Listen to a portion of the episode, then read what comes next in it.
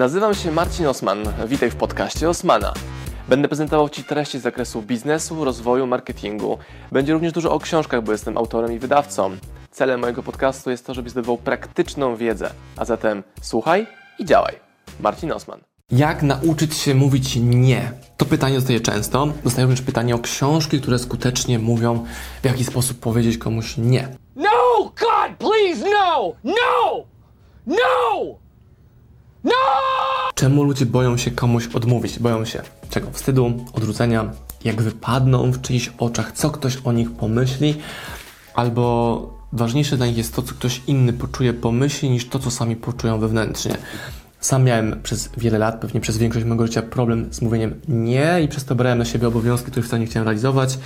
Wchodziłem w relacje, które w ogóle mi nie pasowały i nie potrafiłem ciąć relacji, które absolutnie były dla mnie toksyczne, ale wydawało mi się, że nie mogę im powiedzieć nie. Najczęstszy przypadek, gdzie ludzie chcieli powiedzieć nie, są sytuacje rodzinne, czy nawet jak odmówić zaproszenia na obiad do cioci Helenki, ale tej cioci ani nie lubisz, ani się jej nie podoba, ani jedzenie, które serwuje ci nie pasuje w żaden sposób, no ale trzeba pójść, bo nie wypada. Mówisz nie, nie wypada, nie pójść.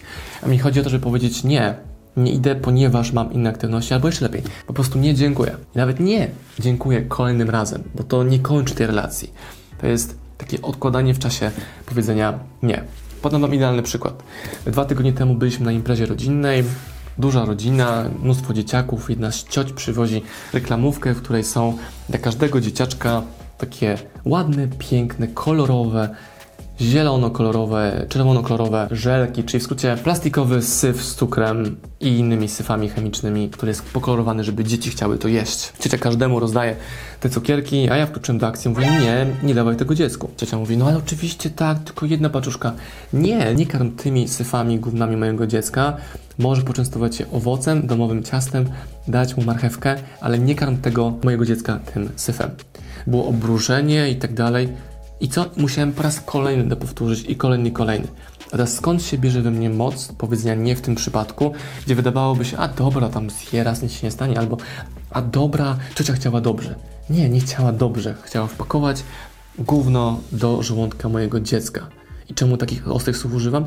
Bo są adekwatne, to nie są kolorowe żelki, to jest syf i gówno, którego dzieciom nie należy dawać. Kropka. Zły rodzicom. Nie obchodzi mnie w ogóle, co ona pomyśli o mnie.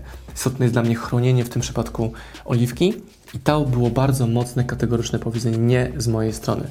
Tak samo asertywność to jest komunikowanie swoich potrzeb. I nie zgadzanie się, to nie jest mówienie nie. Asertywność to nie jest mówienie nie. To jest komunikowanie moich potrzeb. Czyli jeżeli ja mówię, że nie mam na to ochoty, to druga strona próbuje mnie przekonać. Słynne obiadki u babci. No weź jeszcze już jest. Nie, nie mam ochoty, nie chcę być gruby, nie chcę wyglądać jak ty i tak dalej, i tak dalej. To sprawia wrażenie, że jesteś niemiły, ale pomyśl na to z drugiej, z drugiej strony, że kto jest gorszy, bo o tego się boisz, żeby nie wypaść na gorszego. Ty, czy ktoś, kto tuczy twoje dzieci syfem? Ty, czy ktoś ci wpycha rzeczy, których w ogóle nie chcesz? Ty, czy ktoś, kto zmusza cię do wchodzenia w interakcję, na przykład z rodziną, z którą w ogóle nie chcesz mieć do czynienia. Albo ty, który jedziesz na wakacje, jak ktoś mówi ci, koniecznie musisz u mnie zostać, u mnie spać, bo tu mam super kanapy, rodzina się musi trzymać razem. Nie, ta kanapa jest mała, niewygodna, masz ciasne mieszkanie, ja będę spał w hotelu, w Airbnb, czy pod namiotem, bo to jest moja decyzja. Co ja w ogóle robię, że ja potrafię powiedzieć nie z taką łatwością? Wiem, co dla mnie jest ważne, czyli te rzeczy, które są dla Ciebie ważne. W żaden sposób nie boję się odrzucenia. Nie boję się to, co o mnie pomyśli. Mam to absolutnie gdzieś. Ale w momencie, gdy mówisz komuś nie, to tym samym mówisz osobom, którym pasuje taka postawa, że umiesz o swoje powalczyć. Byliśmy wczoraj na obiedzie i w restauracji za plecami naszymi dwie takie duże paniusie siadły i zaczęły palić papierosy. Ja tego jeszcze nie poczułem, natomiast obsługa szybko zareagowała, powiedziała: Nie, drogie panie, w tym miejscu nie palimy. A stolik obok był pan, który podziękował obsłudze za zwrócenie uwagi tym paniom. Pytanie, czemu on jako pierwszy tym paniom uwagi nie zwrócił, a podziękował obsłudze, bo bał się im zwrócić uwagę. Nie wiedział, czy można, czyli analizował, jak on wypadnie. Gdyby obok mnie siedziały przyszli nowi goście, którzy palą w miejscu, gdzie nie można palić, bym natychmiast tą uwagę zwrócił. Mówienie nie to również pokazywanie tego, co nie działa. Są przykłady, gdzie ludzie siedzą w restauracji, mają zdanie zasłone, za tłuste, nie to co chcieli, boją się powiedzieć: Hej, nie, nie to zamawiałem. Poproszę o to, co zamówiłem. Więc testem również Twojej asertywności i mówienia nie jest powiedzenie kelnerowi, który przyniósł niewłaściwe danie albo niesmaczne danie.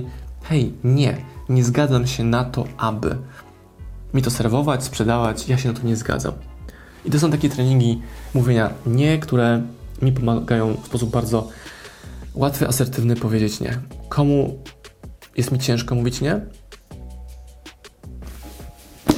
Nie znajduję takiej osoby, bo to jest moje życie, mój czas, to ja decyduję o tym, na co chcę mój czas, energię, zaangażowanie przeznaczać, a nie ktoś z zewnątrz, bo jest to moje życie, moje ciało, moje pieniądze, mój dom, moja rodzina, to ja decyduję o tym, jak to ma wyglądać. Czyli dalsze rekomendacje od Osmana, jak mówić nie.